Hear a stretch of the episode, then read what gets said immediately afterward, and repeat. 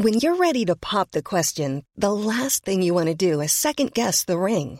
At Bluenile.com, you can design a one of a kind ring with the ease and convenience of shopping online. Choose your diamond and setting. When you find the one, you'll get it delivered right to your door. Go to Bluenile.com and use promo code LISTEN to get $50 off your purchase of $500 or more. That's code LISTEN at Bluenile.com for $50 off your purchase.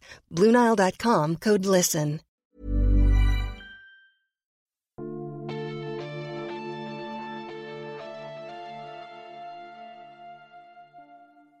Välkomna till Sagan om Isfolket-podden avsnitt 69 Häxmästarens borg. Jag heter Dan och med mig har jag Anna. Hej Anna! Hej Dan! Yes! Nu ska vi åka till Ghost Island. Det var väldigt mycket svengelska i den här boken du. Eh, väldigt mycket. Det tog mig ett tag att inse att Lassie inte var hund utan att det var slangord för flicka på engelska. Åh, oh, I Lassie. Ja, Okej, min skotska är inte den bästa. Om det där var skotska så säger jag nej Dan. Jag försökte. Ja, men försöka räcker inte på fortet vet du. Eller på Ghost Island. Nej, Ghost Island, det är grejer det. Det låter ju sig bättre än Spökön. Så jag är nog rätt glad att Margit slänger in de här engelska grejerna. Men jag undrar lite grann varför hon gjorde det. Om det här var en period det var lite inne att vara brittiskt sådär. Ja, det är väldigt eh, anglifierat hela, hela boken. Mm. Men vi vet ju i alla fall i den här boken vart vi är. Ghost Island utanför Kanadas kust. Och vår hjältinna Sharon O'Brien kommer från England. Oh ja, och vi har världens snabbaste morddrama i början. Det gick jättesnabbt. Jag vet inte ens hur eh, den stackars mannen blev ihjälslagen eller någonting.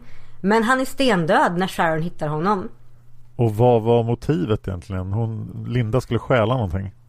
Jag tror, och det här är min teori.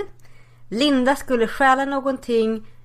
Eller någonting gick fel. Eller hon var prostituerad. Eller någonting gick fel. Vi har aldrig riktigt något fason på vad det var som hände. Men hon slog ihjäl honom. Och så hade båda röda kåpor och det blir förväxling och Linda slänger skulden på Sharon. Ja. Som vi kunde räkna ut på sidan ett att hon skulle göra. Nej, jag blev jätteöverraskad. Va? På riktigt? Ja, nej. Men jag tycker det var en hemskt fin öppning i början. Jag, jag gillar verkligen Margaret introducerar Sharon. Vi får hennes historia i små bitar där och också interaktionen med den här gamla damen då, fru Moore. Ja, det är faktiskt en jättestark början. Mm. Det enda tråkiga är som vi måste få henne på båten. Ja. Och det enda tråkiga där är att det är bara första gången som Sharon blir räddad av en man. För det blir hon inte alls den i boken. Precis. Så bara, advokaten är snäll. Han bara, ja men ta den här gruvbåten till andra sidan Atlanten. Det är säkert jättebra. Mm. Han vet ju exakt vad det är han skickar in henne i för man måste skriva på ett kontrakt för henne. Ja, så du menar att han får någon slags eh, belöning för det här? Nej, jag tror inte han får en belöning men jag tycker nog han kunde varit lite mer transparent och sagt att du, på den här ön så gäller det här så att han vet vad, så att Sharon vet vad hon faktiskt blir inskickad i. Det kan man ju tycka. Det var kanske lite bråttom och sådär. Ja, okej, jag, kan, jag kan förlåta honom det. det. Det som jag känner så här att den här historien hade varit helt outhärdlig om Sharon varit ett litet våp som Linda. Men hon är ju en superkompetent, jätteduktig, handfast kvinna som är väldigt praktiskt lagd. Så det funkar, hela historien. Jag har ingenting emot att hon blir räddad tusen gånger faktiskt. Nej, det är ju det är en bra historia. Det här är ju en bok som håller en fängslad hela tiden. Ja, och det är någonting med hur Margit beskriver saker här. Hur hon går in på detaljer och bygger upp historien som gör att jag får väldigt mycket flashbacks till eh, djupt i jorden. Jag skulle ju säga det. Vi har, inte, vi har inte pratat om det här innan. Jag tänkte vara djupt i jorden. Det ska jag säga. Djupt i jorden version 2 eller version 1 eller vad vi nu än säger. Men vi har den grovbarkade gruvarbetaren. Vad han nu än hette för jag brydde mig inte. Vad hette han? Det borde man ju komma ihåg. Gordon St. John. Just det. Ja, och vi har den här gruvstaden som har då kvinnor som kommer dit som ska gifta sig. Och vi har Sharon som landar där och kan göra saker och... Det är lite djupt i jorden men jag förlåter det för jag tycker att Margit lägger till så mycket olika detaljer så det blir ändå annorlunda. Men stämningen är lite samma. Den här ensamhetskänslan Sharon känner och ja, allting. Den här boken måste rimligtvis varit skriven före Djupt i jorden. 83 står det som första utgåva. Ja, publiceras som följetong i Allers. Och då 73. vet vi inte. 73? 73. Oj! Och då får vi försöka tänka när, när kom Djupt i jorden ut? Ja, den kan väl ha kommit ut 83 eller 84 då. Ja. Så att det här är Djupt i jorden är i själva verket Häxmästarens borg 2.0. Jag tycker att Margit har gjort tillräckligt mycket ändringar i Djupt i jorden för att det ska hålla. Utan att för den sakens skull det förtar det faktum att Häxmästarens borg är en väldigt bra bok. Ja, jag tycker faktiskt det är en bättre bok än Djupt i jorden. Wow. Ska du verkligen svära i kyrkan, Dan? Ja, men hade det här varit Djupt i jorden då hade boken slutat med att Heike hade gått upp, eller Heike hade dykt upp och han hade bara räddat allting. Så då hade vi inte fått en häxmästarens spår, då hade vi fått häxmästaren räddar dagen istället. Ja.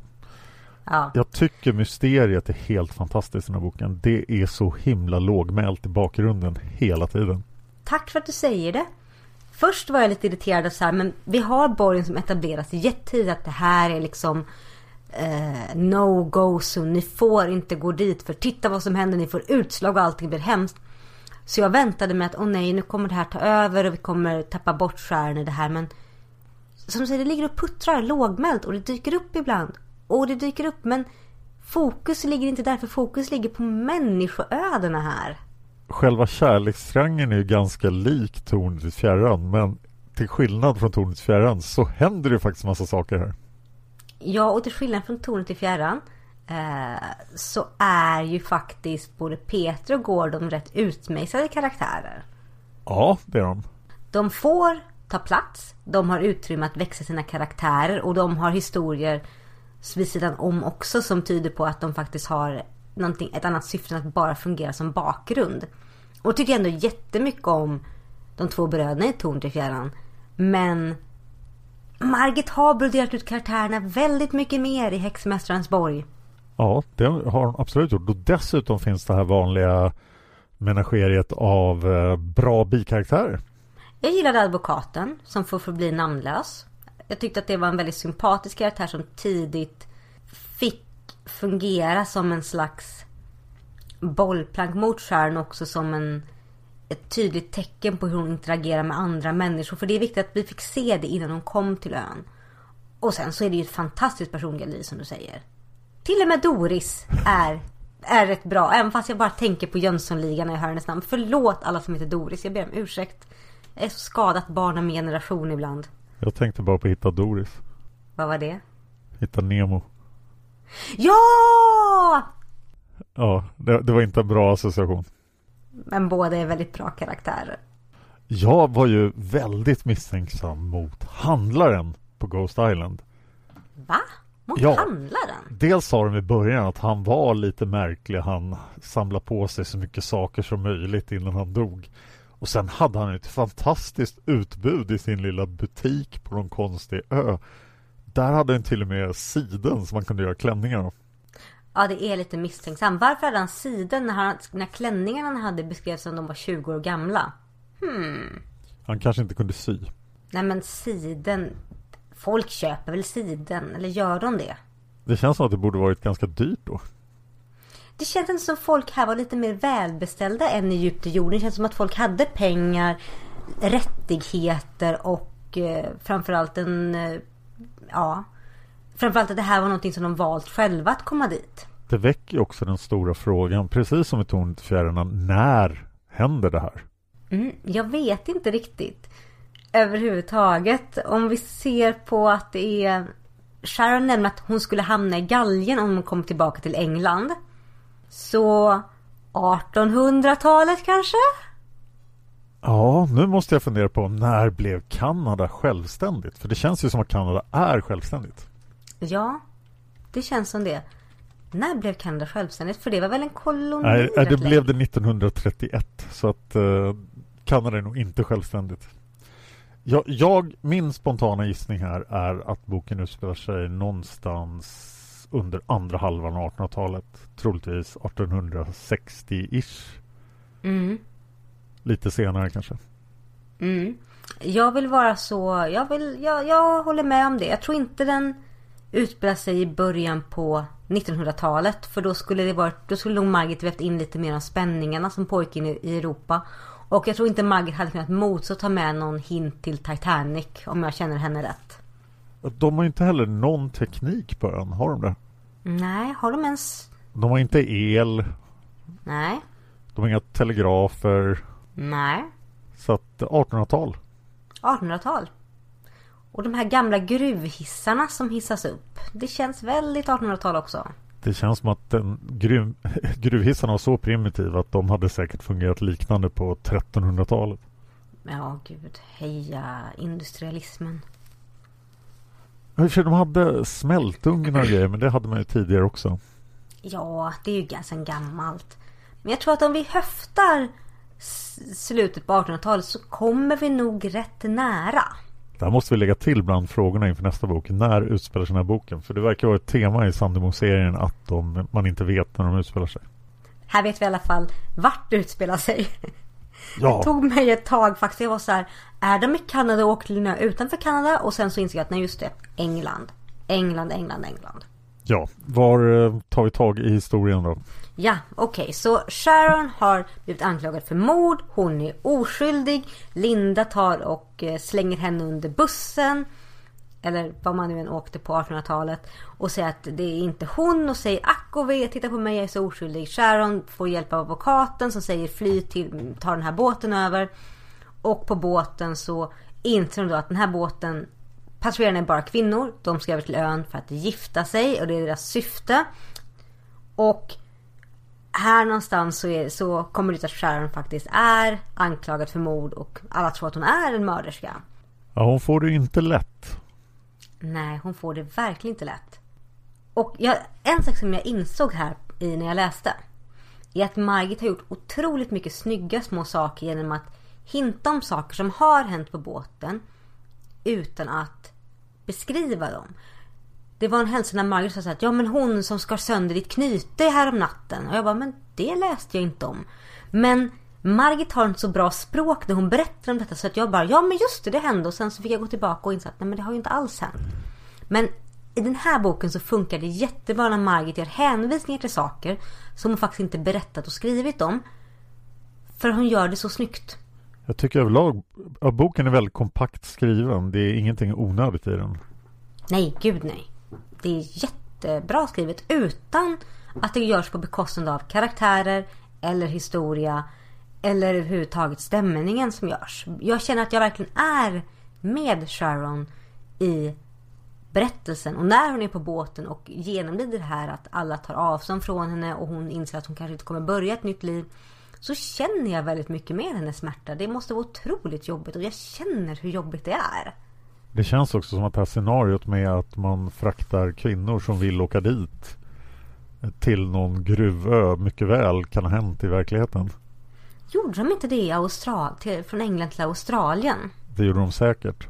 Mm. Men det känns ju också som att det finns något moment av frivillighet här. Du, du kan åka tillbaka efter tre månader om du vill. Ja, och att kvinnorna har rätt att om någon vill gifta sig med dem att de faktiskt kan säga nej. Så det här är inget straff. De inte jag tror att det var, kära lyssnare rätta mig om jag har fel. Men jag tror att det var till Australien som man faktiskt skeppade prostituerade som har att ja, antingen sitter ni av tid i fängelse eller åker ni dit och, och gifter er med första bäst som, som vill ha er. Flera av dem på den här båten verkar ha åkt helt frivilligt. Oh ja. Och det, det känns som att de faktiskt har gjort det. Och oavsett bakgrund, vissa som då Margaret som åker för att hon inte hittar någon där hemma. Andra som Ann som åker för att hon råkat i olycka. Och vissa som Doris som känns väldigt mycket som de har lite shady förflutet som prostituerade. Men alla åker frivilligt. Ja. Mm. Jag tänkte lite på uh, Torsk på Tallinn. Du kommer ihåg den? Den åker Ja, en just ja. Oj då. Datingbuss till uh, Ryssland. Ah, åh!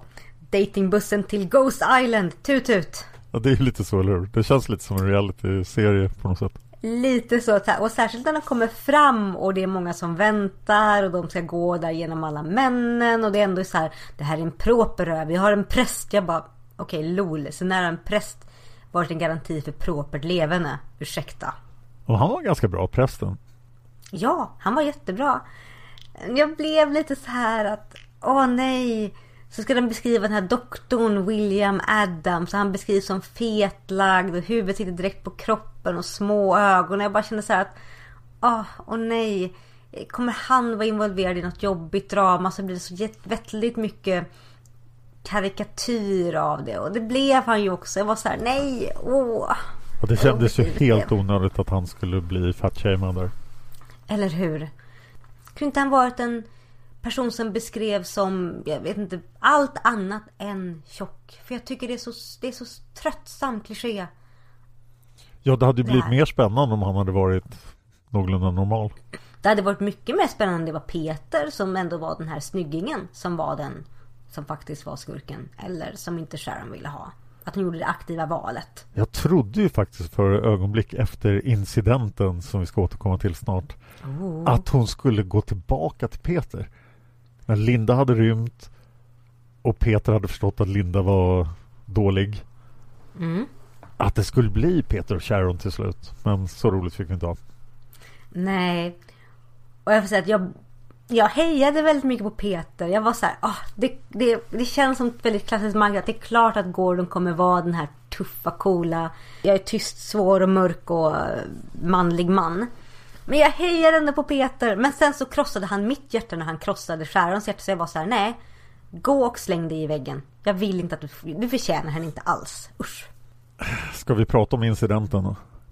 Eller ska vi ta historien först? Ja, vi tar historien först. För det byggs ju upp en bra stämning där när Sharon går i land. Hon, hon eh, har problem först att hon får inte sova i samma sovsal. De andra kvinnorna sprider ut massa skitsnack åt henne om henne.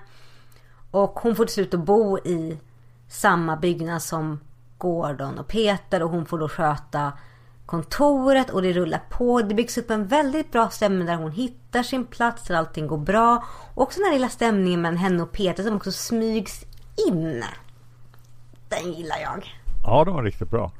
Jag gillar också att, det, att Maggie inte glömmer bort alla de andra karaktärerna. Hon glömmer inte bort att jaha, Margaret måste få jobb och hon börjar jobba på sjukstugan. Och jaha, okej, vad händer med Doris och i det här? Och att hon introducerar Andy, den här eh, väldigt eh, rediga unge mannen som sedan kommer vara med på de flesta äventyr de gör. Genom att, åh, han har fått utslag. Alltså Margit väver in sidokaraktärerna jättesnyggt här. Väldigt snyggt. Ja, alla sidokaraktärer har ett aktivt liv som pågår i bakgrunden. Och det är jättesnyggt. Mm. Mm.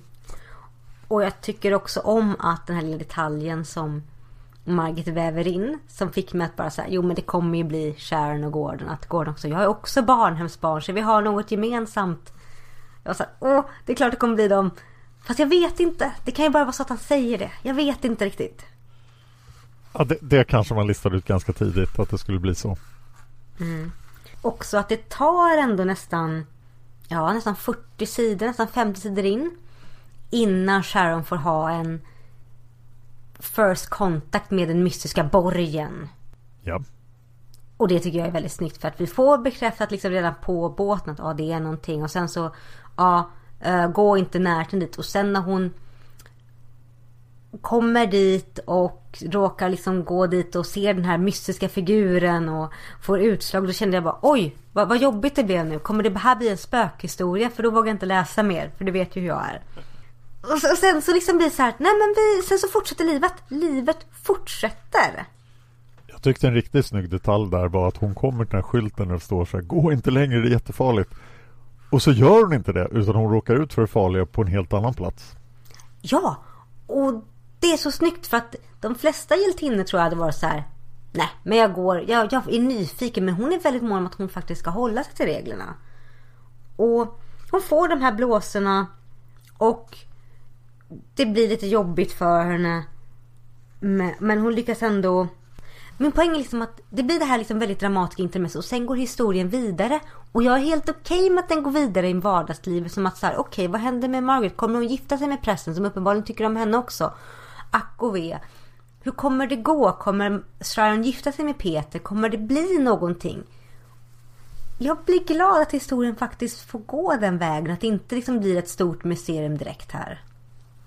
Just att mysteriet är så lågmält är helt fantastiskt.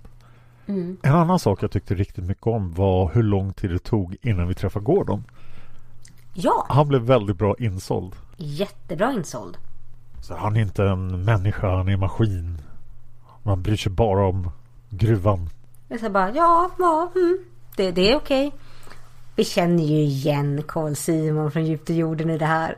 Ja, vi kanske till och med känner igen uh, Asbjörn Sandemo. Ja, ja. Men det går inte att förneka ändå att Gordon är en väldigt fin och bra karaktär som man känner sympati för.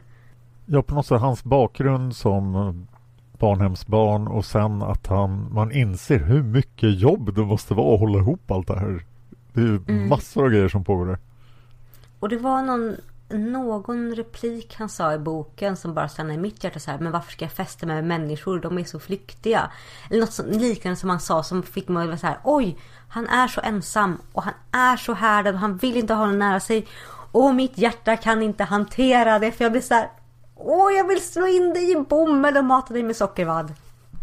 Det tror jag inte han skulle uppskattat. Nej, men det hade varit kul. Ja, det hade det onekligen varit. Men jag faller lite grann för honom.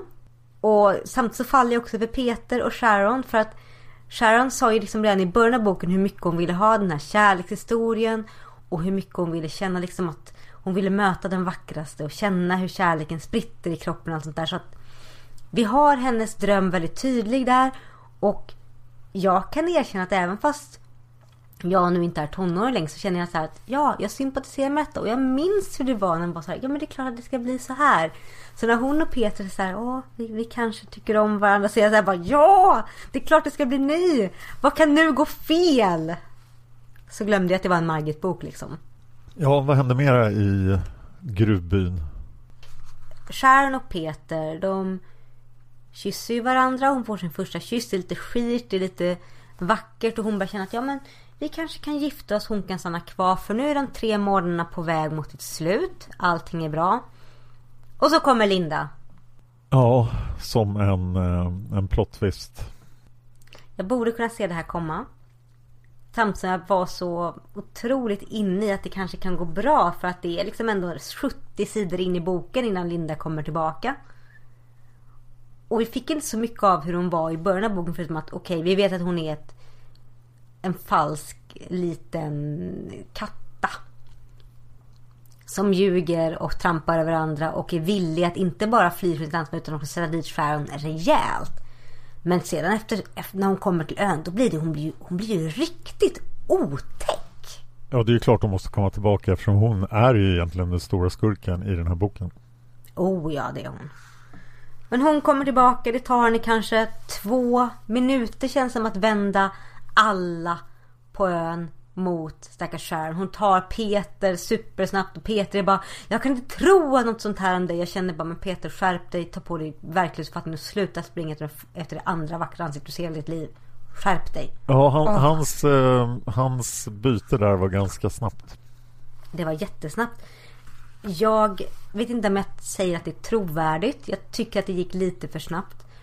Å andra sidan, om jag försöker tänka på honom som en sol och vårare som faller första bästa ansikte och springer efter nästa ansikte så säger han så att ja, jo, ja.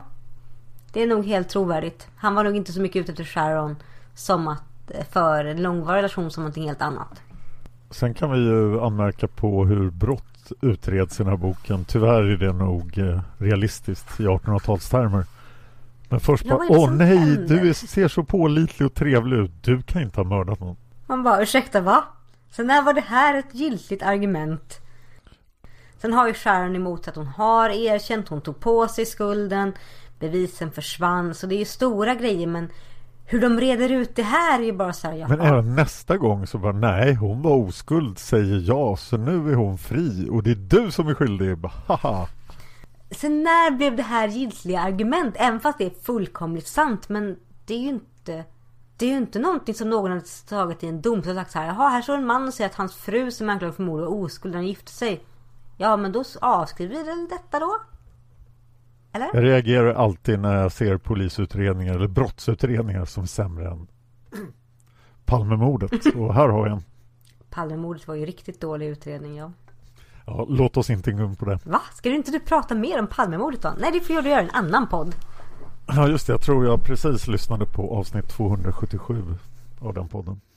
Men ja, alltså Sharon hon lider ju jättemycket av det här. Ingenting blir bra. Hon hon har ju liksom börjat bygga upp någon slags trygghet, någon slags säker hamn på ön. Som blir så mycket mer förståeligt hon behöver. Inte bara till bakgrund av att hon är anklagad för mord men också för att hon inte haft någon trygg hamn innan i livet. Och det skär i hjärtat över hur snabbt det tas ifrån henne. Hur snabbt folk tar avstånd från henne. Jag blir helt knäckt över detta. Och jag är så glad att hon har vissa vänner som liksom stannar kvar. Ja, det är alltid fint. Och Margit beskriver det så bra. Och just det, vi får backa band lite grann. För någonstans... Jag vill bara backa band och nämna en grej som jag höll på att glömma. När Sharon fick de här utslagen efter att ha varit uppe i borgen. Så, så hände det som gjorde mig säker på att, åh nej, doktorn kommer bli den onda, onda människan. Eftersom doktorn förklarade sin kärlek och Sharon var så här, nej usch, fy. Var varsam mot det motbjudande, skratta inte deras kärlek. Och jag bara, men kom igen! Sluta! Och så jag bara, det här, det här kommer bara tippa över. Det här kommer bli dålig stämning. Vi måste ju tala om hur extremt kompetent Sharon är också. Hon kan allt. Ja, hon förlöste en kvinna också. Ja, hon är mästare på att laga mat. Hon, hon kan sköta jobbet med administrationen runt gruvan bättre än både Gordon och Peter. Och vi vet väl inte om hon hade fått någon utbildning förutom den hon hade tillägnat sig på barnhemmet, eller hur? Ja, de verkar inte fått någon utbildning heller så att... Nej, men ändå. Hon, hon är super... Jag, jag vill att liksom bara hänvisa till att hon är en superkompetent kvinna med, som är väldigt praktiskt lagd. Men hon klarar av allt. Hon förlöser en kvinna, hon räknar som du säger. Hon, hon gör allt. Men det är därför det stör mig så mycket att hon blir räddad hela tiden. Ja, på ett sätt. För hon borde kunna klara det själv. Men vi har ju också hennes, hennes skörhet. Som kommer sig av att hon så gärna söker ett hem. Och jag får erkänna att här kommer jag gå emot mina principer om att jag hatar damsel in distress dem. Men hade det varit så att hon hade klarat sig ur varenda knipa själv. Så hade hon blivit en väldigt tråkig och ensidig karaktär. Hon hade blivit en klassisk Mary Sue som är så perfekt att det inte går att hitta några fel på henne. Ja, det har du faktiskt rätt i. För att antingen så hade hon fått vara superskör och inte kunnat någonting och de hade fått lära upp henne som en, som en som att de gör henne en tjänst när de blivit bättre. Men hon upptäcker ju på egen hand att det är något som inte stämmer i räkenskapen. Och hon bara, ja det stämmer inte. Och vad bra att du ser det också. Hon, på egen hand så kommer hon på nya grejer. Hon tar egna initiativ. Men att hon har den här skörheten om att hon faktiskt så gärna vill höra till, så gärna hört hem. Det gör henne relaterbar också.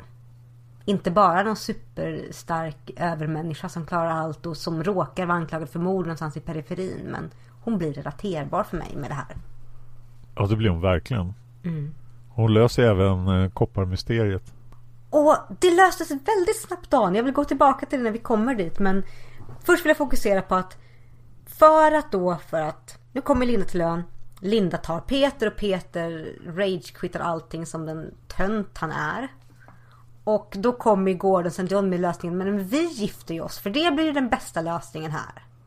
Det här måste ju vara det mest romantiska frieriet i någon av Margits böcker. Uh, vi gifter oss. Jag är på prästens sida här bara, men det här är ju, det här är... Jag ska se om jag hittar formuleringen för prästen sa det så bra. Ja, detta är ju kriminellt, sa fader vården. Gordon för sista gången och ni är mina vänner båda två men jag vet inga som passar sämre samman. Och jag säger så här, ja prästen jag är på din sida. Det här är en fruktansvärd matchmaking från allas håll. Ja. Och det är så långt ifrån vad Sharon i början av boken som faktiskt för det här laget inne i boken känns som verkligen tusen år sedan. Sedan hon stod och sa att hon ville hitta någon och älska och ha ett perfekt bröllop. Och så gifter hon sig i kyrkan i sin slitna vardagsklänning med en jag vet inte ens om hon har en sjal över sig men ja, ingenting stämmer ju i den drömbild hon, hon målade upp. Men det Nej. blir ändå rätt bra sedan. Ja, förutom incidenten. Ja, vi kommer tillbaka till den. Kommer dit. Men innan dess så är det så här att ja, de, det blir lite mer med mysteriet och de är så här att okej. de ser några skepnader och de säger så att okej, men det här kanske inte är spöken, det är nog saker av kött och blod. Okej, aha. Och doktorn blir jätteupprörd när han hör Sharon har gift sig. För han bara, du skulle gått till mig. Och jag känner igen att, åh. Jag orkar inte med att liksom att... Jag tycker det är lite, jag tycker det är sunkigt Dan. Ja, men hade det inte varit bättre om han hade varit mycket trevligare? Ja, trevligare och inte varit tjock. För att nu blir det bara den... Nu blir det bara fat med att ja, men om du är ful och tjock så får du aldrig den snygga tjejen. Och jag tycker så här, men... Ah, orkar inte. För efter incidenten så är ju doktorn ganska bra när han skäller ut Gordon. där. Ja, det är han. Och det gjorde egentligen att jag inte insåg att han var skurken. Eller hur? Det, Margit gör... Margit gör komplexa karaktärer i den här boken. Doktorn är inte, det är inte någon som är... Förutom Linda som är väldigt så här... Det är klart att hon är ond. Men så är de andra lite... De, de, de är svårgreppbara. De är lite gråa allihopa. Ja, och det, det blir alltid bättre. Ja, det blir det. Och ja, jag nämner kort att Sharon blir, håller på att bli stenad av kvinnorna. Det är också så här, bara, vad händer? Va? Det är så här, liksom bara det att Linda liksom får kvinnor att stena henne och de inte fattar att Linda fortfarande, att Linda är den onda människan. Jag också så här bara, ja men kom igen nu. Linda är ju faktiskt väldigt kompetent skurk. Hon lyckas få dem att börja stena Sharon utan att de fattar att det är hon som har startat det. Eller hur? Hon lyckas ju även gifta sig med Peter utan att han hinner göra någonting åt det. Lite så. Och hon börjar också konspirera för att få bort Gordon. För att hon vill att Peter ska ta en större ställning. Så hon är ju inte bara en skurk som vill ha bort Sharon. Utan också en skurk som vill ha det mesta möjliga. Hon vill ha allting i livet. Och det där med hissen är riktigt bra gjort. Ja, verkligen. Hur hon saboterar och klär sig till pojke och allting. Och hur... Där tycker jag det är fint hur desperat Sharon verkligen försöker rädda Gordon. Och hon inser att åh nej, hon har blivit kär. Där tänkte jag verkligen att det inte skulle hända någonting. Att hissen inte skulle gå sönder. Jag trodde inte det heller. Och jag var så här, jag bara, nu kommer det skära sig mellan dem totalt. För hon kommer ha överreagerat enligt Gordon och det kommer inte finnas något sätt att rädda upp detta. Och han kommer vända sig mot henne och det kommer bli superjobbigt. Och så var hissen trasig. Tur för Sharon. Väldigt tur för Sharon. Vi kanske också förresten ska förklara vad det är vi sysslar med nu egentligen. Eh, det kanske vi ska göra. För det här är ju en Patreon-belöning. Vi är ju på väg att podda om Ljusets rike och det kommer att börja väldigt snart. mhm. Men vi har ju en Patreon-nivå där man som belöning får välja en bok ur Sandebo-serien. Och det är det vi gör nu. Nu poddar vi Häxmästarens borg för Mia Westerberg först och främst. Precis, så tack så jättemycket Mia för att du har stöttat oss under så här lång tid. Och som du hör Mia så är både jag och Dan rätt tagna av den här boken. Bra val! Mycket bra val. Vi siktar ju på att göra Ljusets rike om vi ligger på 100 dollar på Patreon. Och just nu ligger vi på 99. Det är olidligt spännande.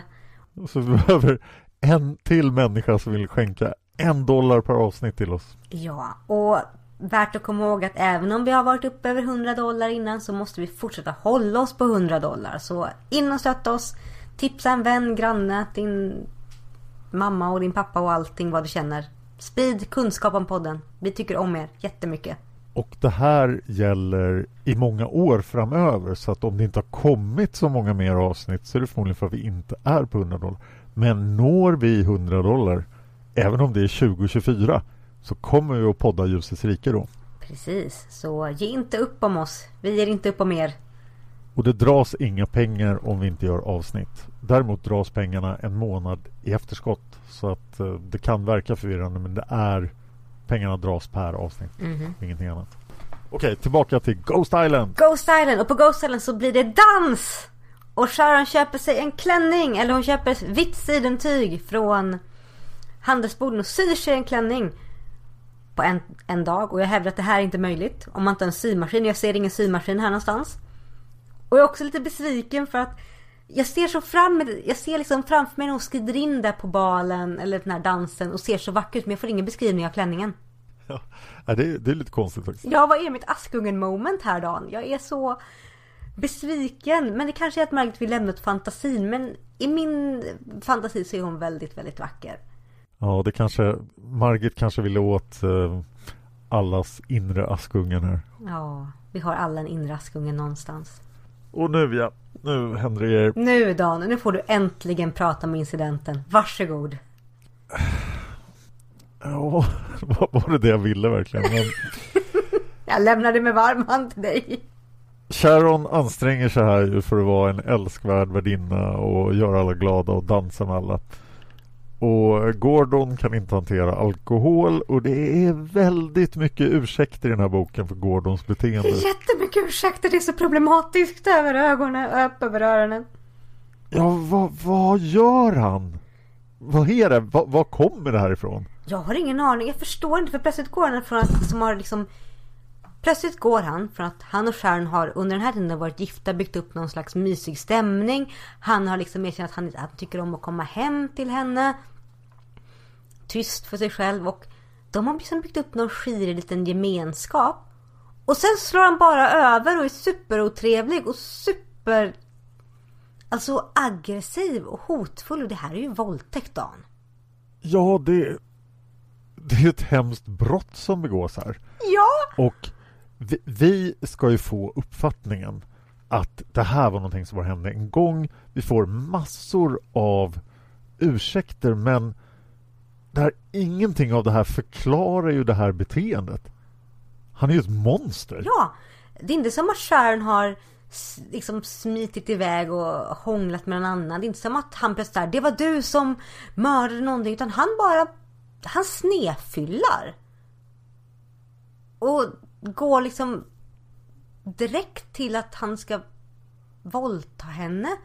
Och också direkt efter det här har hänt så tycker han att nu är det rimliga anledningen att han, ska, att han ska rent på hennes namn inför hela byn.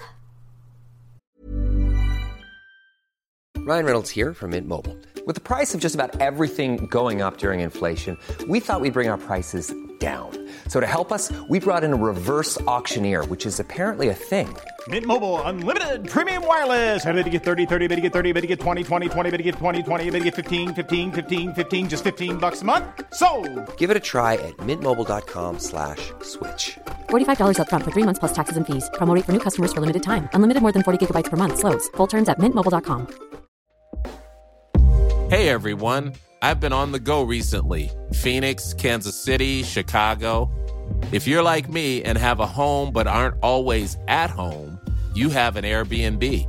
Hosting your home or a spare room is a very practical side hustle. If you live in a big game town, you can Airbnb your place for fans to stay in. Your home might be worth more than you think.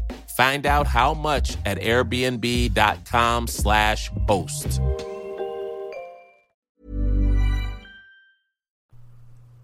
Och någonstans Ja. så känner jag här bara så här att det här är ännu mer monstruöst och ingenting är bra och det bara fortsätter med ursäkterna för att jag bara säger men inget av det här det här ursäktar ingenting och det enda jag tycker är vettigt i den här grejen det är Sharons reaktion för hon blir ju helt förstörd. Hon är ju traumatiserad.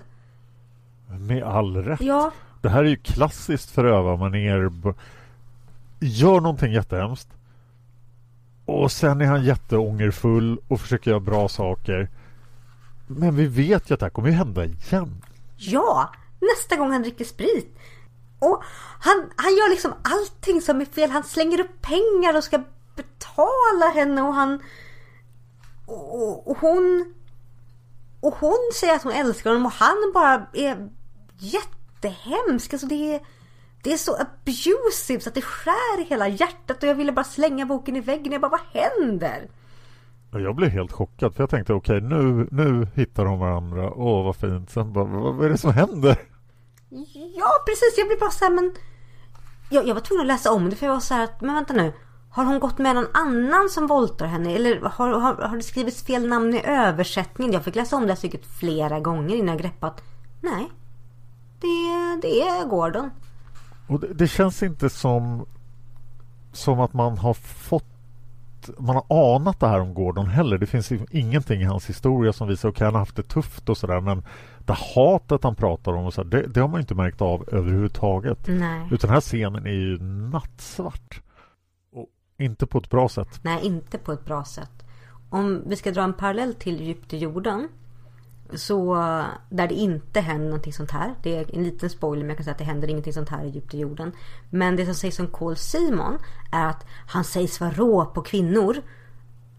Vilket, vilket är liksom ett rykte som sprids ut. Men ingenting sånt sägs ju om Gordon. Någonstans sägs bara att han är en maskin. Det sägs ingenting om att han har ett dåligt rykte bland kvinnor. Att han har svår eller om han har en problematik.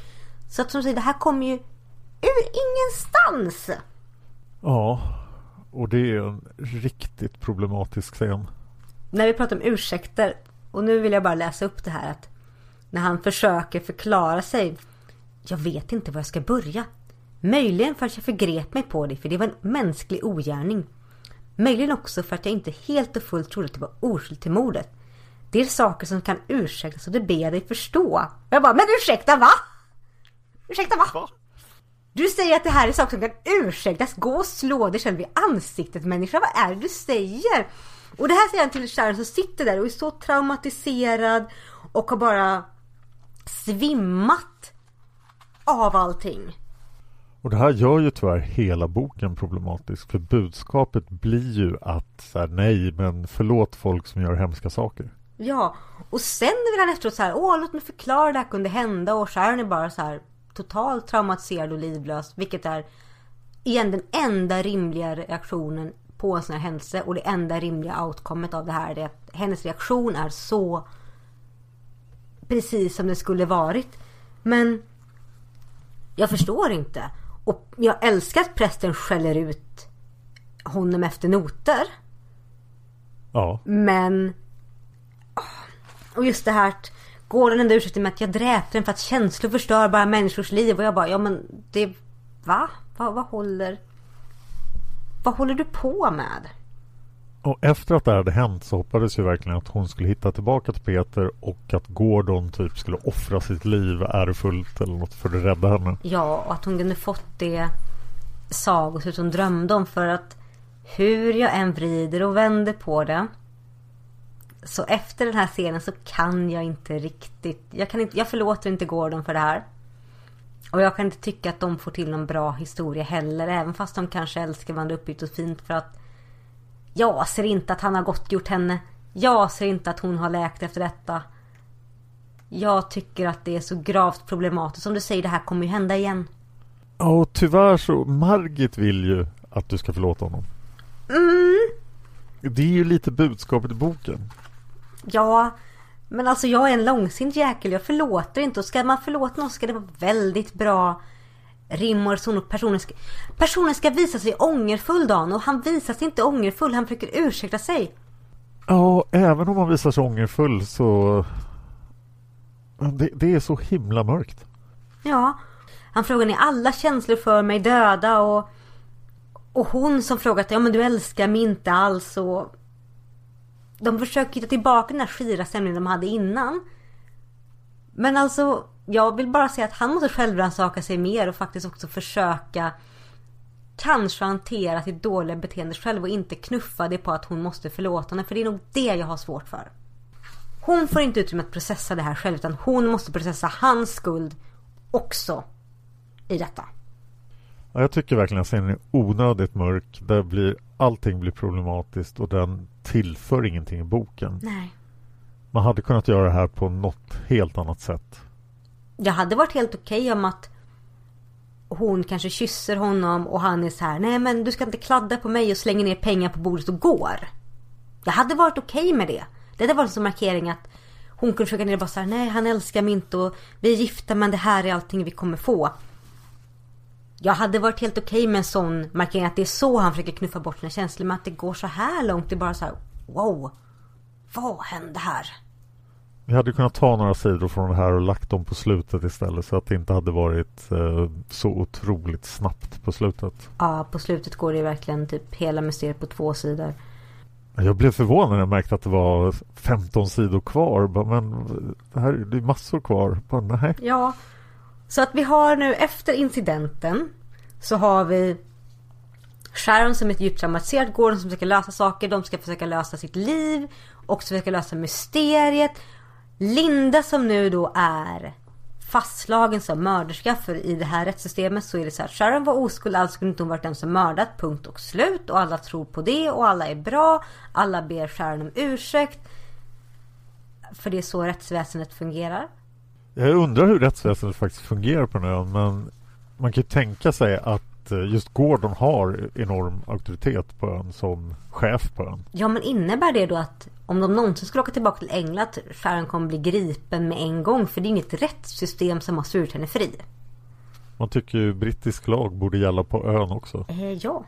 Någonstans här så i det att de börjar liksom försöka hitta tillbaka till, sig- till varandra på något slags konstigt sätt så har vi ju som säger gruvmuseet och de hittar att det försvinner fortfarande och Sharon har ju innan kommit med en hint men vad händer ifall, vad, vad, hon kommer med teorin att men hade det kunnat vara så att det kanske inte försvinner ovan jord utan under jord? Ingen har tänkt på det innan. Kan vi prata lite om Lindas upplevelse här? Alltså hon, hon springer ut i terrängen Ja. för hon vet inte vad hon ska göra. Och sen går hon av någon anledning till borgen Mm. för hon är ju inte insatt i den där plotten alls. Vilket är lite konstigt för det borde hon ha varit. Borde hon det? För doktorn har inte pratat med henne och han verkar ha sina väldigt anonyma fem, sex medhjälpare bland arbetarna. Ja men hon borde ju ha... Hon borde ju ha varit insatt i att borgen är farlig. Hon har ju varit vid borgen någonstans. Att Ja, men hon, kanske, hon kanske är desperat och går dit för så här, ja där kanske händer något roligt. Och då kommer hon dit och då snär hon in sig själv i hela plotten där. Hon bara haha så här. Vilket jag Nu- inte riktigt förstår. Hur, hur, gick, Nej, hur gick det till? För hon hon, har ju, bara- hon har ju varit vid borgen en gång innan och blivit superrädd. Så att... Ren, Ja, ren logik Dan. Om du hade varit vid ett ställe där du blivit skrämd från vettet. Hade du gått tillbaka dit då när ditt liv kraschade? Eh, nej, hon kanske vill dö där men när hon kommer dit då så ser de henne och försöker skrämma henne och då tycker hon men jag är ju jättesöt så här, ni borde ta med mig i er plott. Ja ah, okej det gör vi. Sen bara vilken rolig dräkt den tar jag på mig och springer och skrämmer Sharon. Jag tror här att om vi spårade tillbaka så kan vi nog skylla det på doktorns, eh, Dr. Williams eh, ytlighet. Han, blev, han tyckte Sharon var det vackraste han sett. Han tyckte Margaret var, ja, hon är inte så mycket att se på. Och han var väldigt glad att ta in Linda som sjuksköterska. För att hon var vackrare. Och det kan ju ha varit så. Och det här är egentligen kanske Margaret som inte skriver saker utan faktiskt hintar bara om det. Att Linda och doktorn hade börjat prata lite grann om det innan. Att hon bara, åh men det här kanske händer för du är söt och vacker. Efter det att han upptäckte att dokt, eller akt, efter att doktorn upptäckte att Gordon och Sharon gift sig. Så måste det nästan vara. Mm. Att då måste Linda vetat någonting och det, då blir det mycket mer begripligt. Ja. Men samtidigt ger doktorn upp Linda direkt när han får med sig Sharon i båten och han glömmer till och med att lägga ut med båten vilket ju var lite korkat. Det är jättekorkat. Och det är sån här klassisk klumpskurk som gör allting fel. Efter att i flera år gjort allting rätt. Ja, det har ju varit värsta ninja-grejen. Han har ju varit jättelistig fram till dess och sen då så här, nej nu måste jag dra. Så bara, oj, jag glömde lägga ut båten. Ja, men liksom allt det här med växterna har han förgiftat folk med och liknande. Så att nu så gör han sitt första fel för att nu har han fått skärm, då kommer allt bli bra. Och så monologar han om sin plan och sen så klantar han sig. Ja, Sen borde han ju förstå att Linda var ett problem då, så varför är hon på båten? Precis. Varför? Men det, går- det går otroligt fort på slutet. Ja, och här någonstans får vi också in att Gordon säger Jag älskar dig! Och Sharon är bara Va? Gör du? Jag tror det inte! Och Gordon bara ska "Jag skriva på ett plank att jag älskar dig? Jag bara Nej du ska skriva det på en plank och slå det i ansiktet med På riktigt För att jag köper det fortfarande inte i kärlekshistoria Särskilt inte när det går så snabbt Dan Ja, men jag tyckte ändå på slutet att det var lite så här Häxmästaren 3-stämning. Nu är vi i den mystiska borgen, så här, oh, vad kommer hända nu? Och sen bara pju, gick det jättefort. Ja, jag hade velat se lite mer. Alltså boken är ju ändå 160 sidor lång. Jag hade gärna sett att den fått vara 180 sidor lång så vi kunde ha dragit ut på museet lite längre. Min bok är 260 sidor lång. Va? Ja. 2, 5, 6. Ja, men jag har en pocketbok. Jag har också en pocketbok. Hmm. Eh, Min, min font måste vara mycket större. Vi har ju liksom båda nämnt händelser som vi känner igen så jag tror inte det är kapat i min bok. Min upplaga är från 92. Min upplaga är från eh, 74. Oj! Ja, på 70-talet gjorde man stora böcker. Eh, ja. Med liten text. Så att det blev få sidor. Det slutar på någon slags... Ja, de löser mysteriet på sista sidan där de bara så här, och här är masken för häxmässan och här är ståltråden och här är det här och här hänger figur nummer två. Och de också säger så här att ja men det här var ju William som gjorde, han måste ha varit smart som bara nej det var fransmannen. Så William har bara hämnat. Så inte ens doktorn får inte ens vara smart. Och sedan så slutar det med att de står och funderar över att de ska bygga sitt lilla hus på den här kullen de vill ha och rita det och allting blir liksom bara vackert och fint. Och de står och ser på soluppgången och det är solnedgången och jag är så här äh, äh. äh. Ja, slutet var extremt sockersött. och väldigt snabbspolat. Som en snabbvispad sockervadd. Ja, det känns som, jag fick lite intrycket av att Allers var så här, ja Margit det går jättebra men du måste liksom Du måste sammanfatta hela historien och runda av den i nästa nummer och Margit bara va? Den här var tänkt att vara på tre nummer till, vad menar ni? Är nästa nummer det sista? Så kör på! Och det är nästan inte omöjligt här. Nej, men jag tror faktiskt att det är så det är. För det skulle förklara varför hon skriver så otroligt elaborerat. För att hon kände att hon kanske hade mer utrymme på sig. Och därför också blir så otroligt rumphugget i slutet. Jag köper den teorin. Det var fortfarande en väldigt bra bok. Men jag tycker inte om Gordon och Sharon som kärlekshistoria efter incidenten. Eh, nej. Vi har inga iTunes-recensioner. Jo, Vi vill ha iTunes-recensioner. ja. Så om du inte har lämnat en iTunes-recension och du har en Apple-device Ge oss en iTunes-recension. Vi kommer att läsa den i podden. Ja, Men det vi däremot har fått är jättemycket inlägg från er lyssnare om boken. Många fler än vad jag trodde vi skulle få på en så här ganska okänd bok. Ja. Första svaret kommer från Tamlin Kinkytail. Som säger ett litet tips till er alla. Det finns en app som heter Biblio. Bilden har en vit bakgrund med röda lodräta streck som påminner om bokryggar. Där får man tillgång till att låna ditt lokala biblioteks e-böcker och digitala ljudböcker. Du behöver bara ditt personnummer eller bibliotekskortets nummer och koden till ditt bibliotekskort. Jag tror att utbudet är olika för olika bibliotek. Men jag vet att mitt bibliotek har nästan alla Sandemos böcker i e-bokform. Så om ni har svårt att få tag på en bok så kolla där. Man behöver inte tänka på att lämna tillbaka heller då boken raderas när låntiden är slut. Dock verkar det vara lite olika regler för olika bibliotek som att man bara kan låna ett visst antal böcker per vecka och månad. Det var bra information Tamlin Kinkytail. Fantastiskt bra tips. Tack så mycket.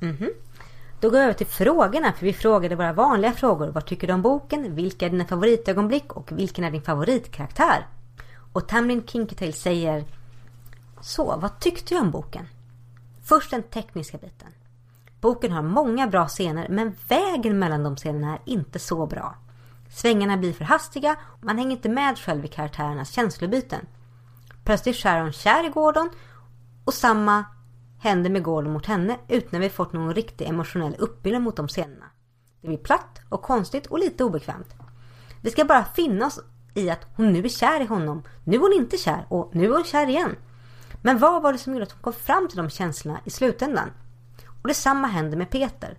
Han tror att hon är mördaren och kallar henne med den tidens uttryck för hora, rakt upp i ansiktet på henne och nästan under den bästa vändningen utan en uppbyggnad mellan de scenerna. Jag får nästan en känsla av att boken stressas ihop mot en deadline. Ja.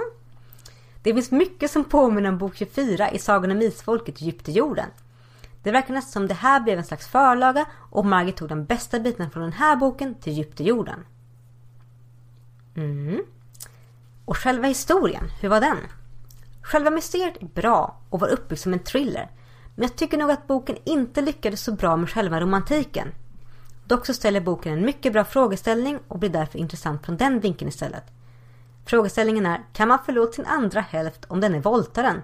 Och borde man verkligen göra det om man känner att man kan det? Det sker våldtäkt inom äktenskapet. Det hör man om hela tiden tyvärr. Jag antar att man bara kan svara på den frågan om man själv skulle hamna i en sådan situation. Det är nog väldigt individuellt hur man reagerar. Idag skulle jag säga att jag aldrig skulle kunna tolerera och förlåta något sådant. Men om man verkligen älskar personen så är det nog inte så svart och vitt. Gordon kände äkta ånger efteråt men fortfarande kan man undra om det verkligen räckte. Han förnedrade henne verkligen. Speciellt efteråt också när han visade upp henne i sin vita klänning. Jag undrar om det fanns en synlig röd fläck på den. Det nämndes aldrig. Ja, Gordon var ganska vidrig där. Första hälften av boken störde mig mest. Det blev lite väl mycket damsel in distress. Jag har ingenting emot egentligen om det är i lagom måtta. Men i den här historien är Sharon alldeles idiotiskt naiv. Dessutom är hon såklart en ren och oskuldsfull jungfru för att förstärka hur orättvist behandlad hon blir. Hur kan hon tro att en mördare bara skulle gå snällt till polisen och använda sig själv i ett land som har dödsstraff? Jag blev förvånad när Linda skrev en lapp överhuvudtaget. Men Sharon inte tog den med sig. Hon kunde ha gömt den i bhn eller i korsetten vad hon nu använde. Eller i skon. Jag har inte mycket sympati för Linda eftersom hon är ond. Men om hon mördat självförsvar och var en citat vanlig Svensson så hade historien blivit mer komplex. För då hade inte Linda förtjänat att hamna i galgen heller. Då hade, hon var, då hade hon ju bara varit en stackars flicka som råkat riktigt illa ut. Det är lite fult när alla karaktärer skyller på att Linda har manipulerat dem till saker. De har väl en hjärna att tänka med själva? Det var till exempel kvinnornas eget beslut att kasta sten på Sharon. Vem som helst vet att det kan leda till döden. Ha, jag kunde inte låta bli att skratta åt Sharons tankar efter mordförsöket med gruvhissen.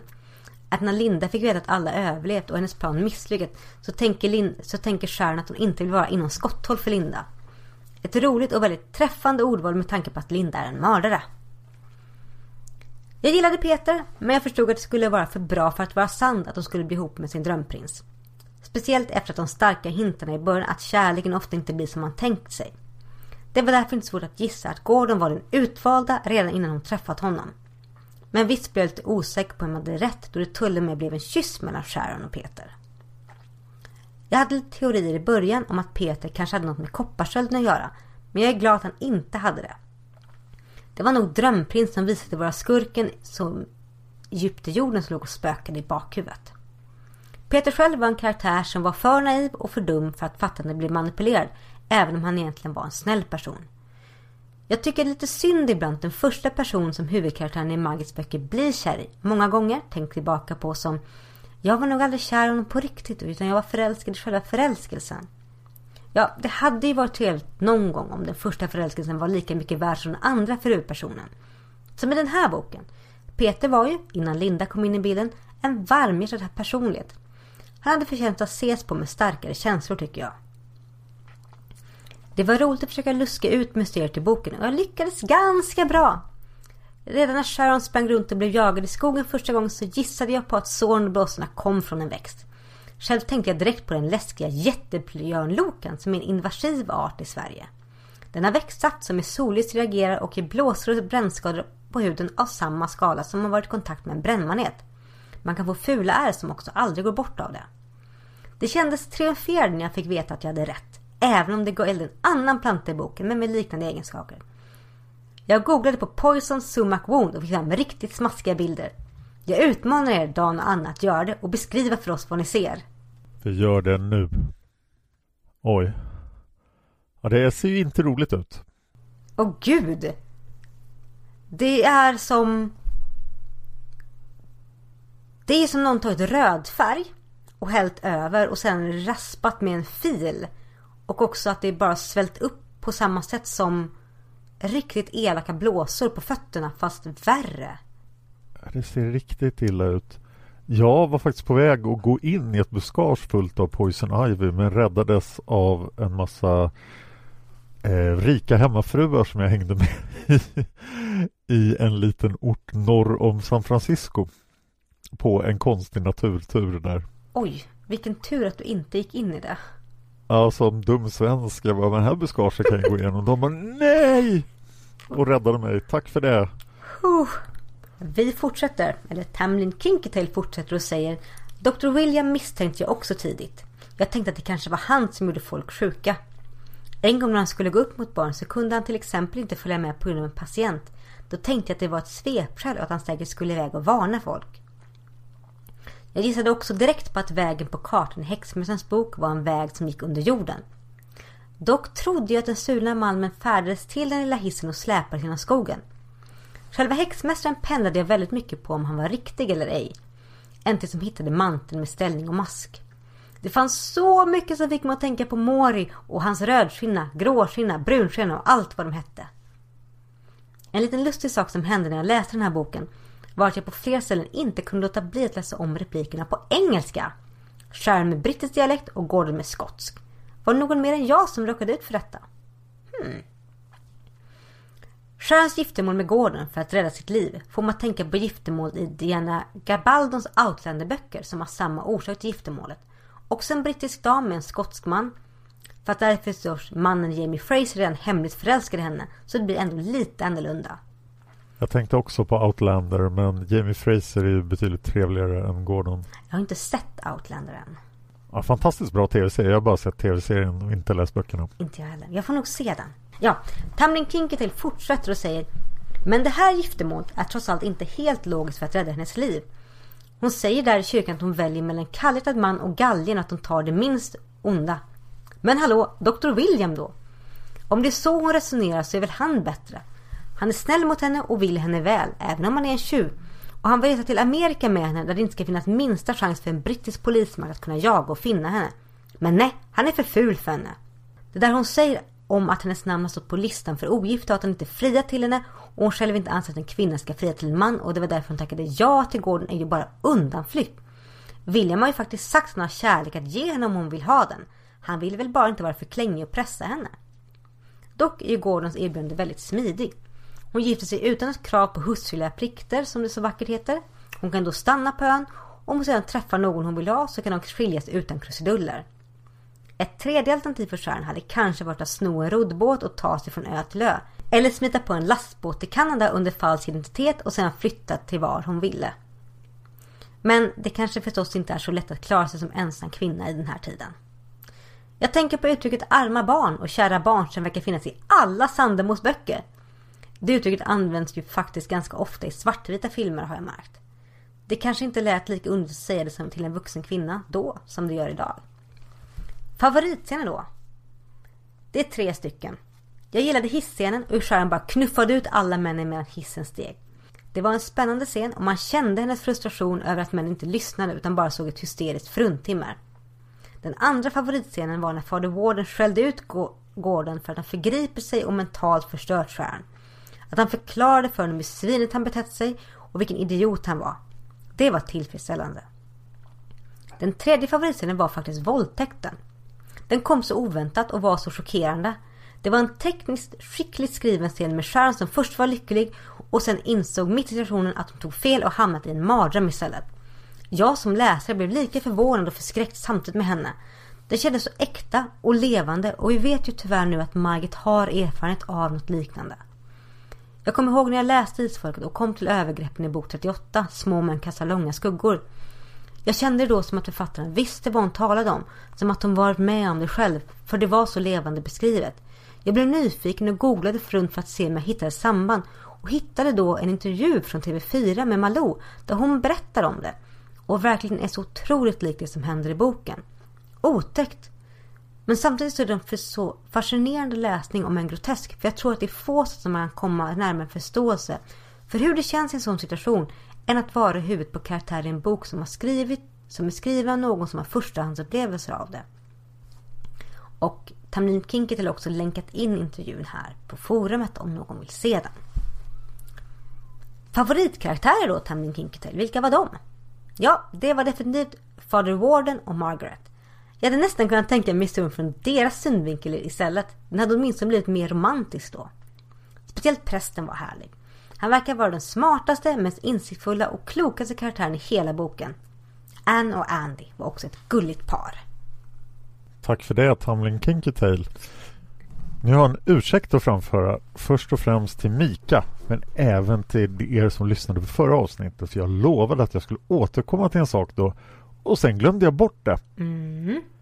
Så nu tänker jag återkomma till den här istället.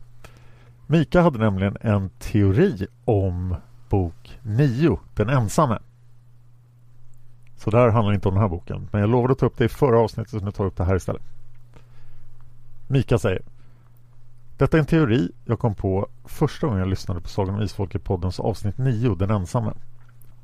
Jag lyssnade precis på podden och vid debatten om den mystiska kvinnan som Mikael möter där i Livland om hon var ett spöke eller inte. Fram tills nu har jag mer hållit på att hon var ett spöke. Och Dan snackade om att han hade en teori om att hon var både spöke och människa.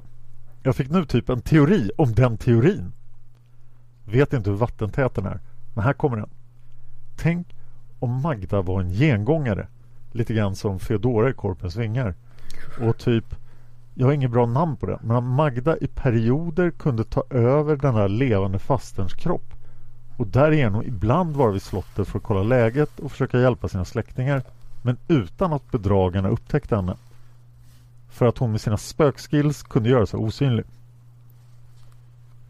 Det skulle åtminstone förklara att Birgitte och de andra inte såg slash reagerade på henne när Mikael gjorde det. Fast det förklarar inte att hon inte kunde öppna några dörrar eller så. Men hon kanske var liten och smal och det var väldigt tunga och tröga dörrar så att hon inte kunde öppna dem även om hon besatte henne yngre hennes yngre släktingskropp. Jag passar på att tacka er Anna och Dan för en utmärkt podd. Tack för det Mika och det här är ju ett bra ställe att kommentera saker i efterhand också, även de här frågetrådarna. Så att de handlar ju huvudsakligen inte om det, men kommer ni på saker om gamla avsnitt så kan ni skriva dem i frågetrådarna också, så tar vi upp dem. Precis. Nästa svar kommer från Blodsänd som säger Såg så fram emot att lyssna på Häxmästarens borg för jag trodde inte att jag läst den tidigare.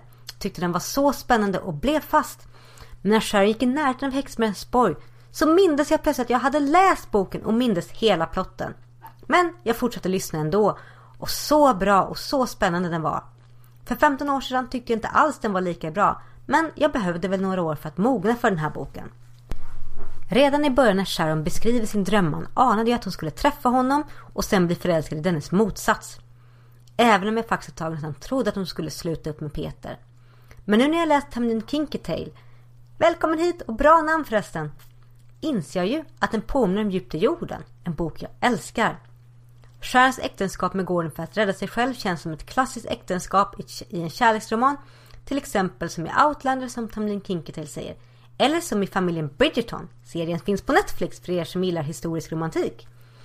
Men, säger Blodsam, vem älskar inte sådana här lösningar i historiska draman? Jo, jag. Det är ju så spännande på sitt vis. Men för att svara på era frågor. Så, vad tyckte jag om boken? Blodsen säger att jag tyckte boken var bra, spännande och helt fast jag i princip sträcklyssnade på den även om jag redan visste slutet. Plotten med att kvinnor skeppas ut till en ö till en massa ensamma män och har tre månader på sig att hitta en man känns väldigt intressant. Hade lätt gått att göra en miniserie om den här ön. Mysteriet med häxmästarens borg och twisten med Peter och William var jättespännande. Efter det hade jag gärna haft två böcker till om ön. Eller en trilogi hade suttit fint. Favoritögonblick i boken? Hmm. Kanske när Sharon pratar med pressen och får reda på att han faktiskt vill gifta sig med Margaret och erkänner att han inte tycker om premissen om att hitta en make på tre månader. Gillar även när Sharon är uppriktig mot Peter när hon berättar om Linda, även om Peter tar det på ett helt annat sätt än hon tänkt. Så favoritkaraktär då? Jag tycker det är svårt att hitta en favoritkaraktär men om jag måste välja säga Margaret. Hon verkar vara så sympatisk med en tuff bakgrund. Jag hade gärna följt hennes historia. Sharon är lite svår att tycka om. Jag tycker hon har en offerkofta men hon gör en karaktärsutveckling som jag gillar. Linda känns som en typisk elak tjej alla Sandemo och hon går inte att tycka om. Och sen kommer en spoilers från Ljusets rike så den säger jag inte här Blodsand. Men slutligen säger Blodsand vill tipsa alla nya lyssnare om Sagan om Isfolket forum på Facebook där vi kan diskutera allt om Sandemos böcker. Gruppen är väldigt aktiv och vi har väldigt många medlemmar. Vill även tipsa om Sagan om Isfolket föreningen. Det finns även på Facebook och tanken är så fort pandemin tillåter anordna ännu en träff en vandring i Tiveden för att kolla på de röda näckrosorna var planerat till sommaren 2020. Men har vi tur blir det kanske av nu i sommar, annars i juli 2022. Vi hade en väldigt mysig träff i Brösarps backar 2017 och det gör vi väldigt gärna om. Och besöker gärna fler platser som är med i Sandemos värld. Vi uppdaterar om våra planer på Facebook och vi skriver även inlägg där med jämna mellanrum. Så följ oss gärna där. Ja, in och följ Sagan om Isfolkforum på Facebook. Både på gruppen och på Facebook-sidan. Hurra! Och Sagan om Isfolket-föreningen. Så att vi kan komma iväg till Tiveden. Ja, vi vill till Tiveden. Även fast jag är jätterädd för alla spöken. Men jag vill till Tiveden dagen. Men jag tror inte spökena finns i Tiveden på riktigt. Margit sa att de finns där. Det kommer jag få äta upp i Tiveden. Det kommer du så få äta upp. Herregud. Nästa inlägg är från Tiny Bunny Snail Yay! som säger följande. Det kanske blir lite off topic, men först måste jag bara säga att jag är så glad att ni valde just böcker ur Sandemo-serien som belöning på Patreon. Oj, vilken motivation det blev! För jag är nämligen faktiskt väldigt svag för de böckerna. Och då måste jag lägga till att vi har ju också på Patreon att vi tänker göra hela Sandemo-serien vid ett senare tillfälle om vi kommer upp lite högre på Patreon. Dum, dum, dum. Tiny Bunny Snail fortsätter. Ja, Sandemo-serien är i stort sett samma historia i varje bok om och om igen. Ja, kvinno och mansrollerna är från 1800-talet och min inre feminist måste alltid ha kräkpåsen framme inför åkturen. Ja, de är litteraturens motsvarighet till lösgodis. Man vet att det är dåligt för en men man kan ändå inte sluta äta. Ändå är det här på något sätt Margit på sin topp för mig. Sandemo-serien och de första böckerna i Isfolket. Här tycker jag att Margit är helt fantastisk. Jag blir helt lyrisk över bristen på berättarröst. Att moralismen och pekpinnarna håller sig till ett minimum och när de förekommer känns det i alla fall som att de kommer från karaktärerna och inte författaren. Borta är det till döden söndertjatade korståget mot kyrkan, de långa irrelevanta utsvävningarna och författarens semesterminnen. Jag tittar på er, vandring i mörkret och lugnet före stormen. Vi håller oss helt enkelt till historien och tillåts stanna i den världen. Jag är glad, jag är så glad. Detta är böcker där Margits skrivande gör sig som allra bäst i mitt tycke i historisk miljö med lite inslag av det övernaturliga ibland. Gissa på att det delvis har att göra med att Margit förmodligen hade någon som korrekturläste henne på den här tiden. Att förlaget sen slutade med det är i min tycke nästan en kriminell företeelse, framförallt mot Margit själv. Jag menar, visa respekt för verk och författare och gör ert jobb, hallå! Visst, i det här fallet rullade pengarna in ändå. Men det är ändå minimum av professionalitet att man gör sitt jobb oavsett. Lärdomen här är onekligen alla behöver en redaktör. Nu blir det off topic i off topic-delen men trots att jag skriver som en kratta är det faktiskt ändå vad jag jobbar med. Även om jag inte skriver romaner. Hur som, jag började i branschen med den charmigt nybörjarkaraktäristiska inställningen att jag vet bäst för att konstnären alltid rätt. Men nu snart 20 år senare har jag gjort karaktärsutvecklingen att nej, jag vet faktiskt inte alltid bäst och alla verk mår bra av feedback. Tro mig, det är en bra grej. Vill du höja din nivå av skrivande, ta en redaktör, en kompis eller din egen mamma. Se till att någon ger dig feedback och lyssna sen på den feedbacken. Hett tips. Uh, var var jag någonstans? Okej, okay, inflikning från Dan. Jag håller helt med att det är jättebra att få feedback på det man skriver. För ja. att man kan inte få ut det som finns i huvudet utan feedback för att man själv har jättesvårt att läsa sin egen text. Tanny Bunny Snail fortsätter. Jo, med Sandemo-serien älskar också att just få flyta runt i olika vagt definierade tidsåldrar i länder som eventuellt kanske existerar någonstans eller kanske inte. Det är sagor helt enkelt. Och som sagor betraktat kan jag överseende med mycket. Men inte allt. Det finns gränser och i den här boken kommer vi dit. Sen kommer frågan då, vad tyckte du om boken? Tiny Bunny Snail svarar Ja, alltså efter den här långdragna kärleksförklaringen ovan till Margits tidiga verk kanske det låter lite motsägelsefullt att säga detta. Men den här boken är ingen favorit tyvärr. Jag tycker den är välskriven, spännande och med superintressant setting. Härliga miljöer, man känner att man är där, man kan inte sluta läsa. Så vad är då problemet? Jo, problemet är Gordon! Bort med den här slemproppen till kar så har vi en bra bok. Alltså jag är inte helt emot idén här. Jag älskar karaktärer som är målade med både svart och vitt, psykopater, mördande häxor, galningar och intrigmakerskor. Ja tack, och ge mig mer. Jag ser dessutom fram emot att återkomma till detta i nästa avsnitt då det blir Jungfrun i dimmornas skog. Reklam, reklam. Men för att den här typen av karaktärer ska funka för mig som good guys måste det också finnas något jag kan gripa tag i och sympatisera med i förfallet. Och med Gordon finns inget alls. Han är helt enkelt bara en rövhatt som tycker kvinnor ska stå vid spisen och passa upp honom. vilket ju Sharon gärna gör tydligen, för att han sen ska våldta dem helt upp och ner utan minsta provokation eller anledning. Förlåt, men gör män så här? Visst, våldtäkter förekommer i alla former, men verkligen på det här viset. Gordon har ju liksom bara sålts in som likgiltig och fraktfull. Så att han ens skulle göra sig besväret med en våldtäkt när han ändå skulle ha fått ligga oavsett känns bara okaraktäristiskt. Och konstigt här, jag hänger liksom inte med som läsare.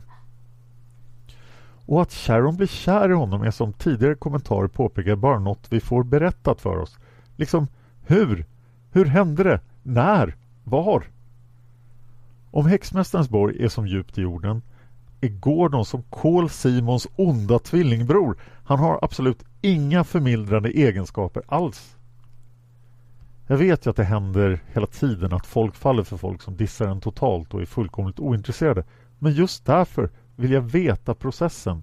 Så ta mig in i den och förklara den för mig tack. Annars blir det inte så bra. Faktiskt riktigt illa.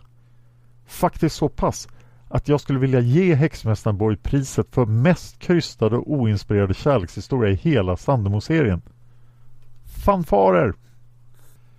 Allt som allt måste väl ändå mansroller i den här boken vara bland de futtigaste i serien också.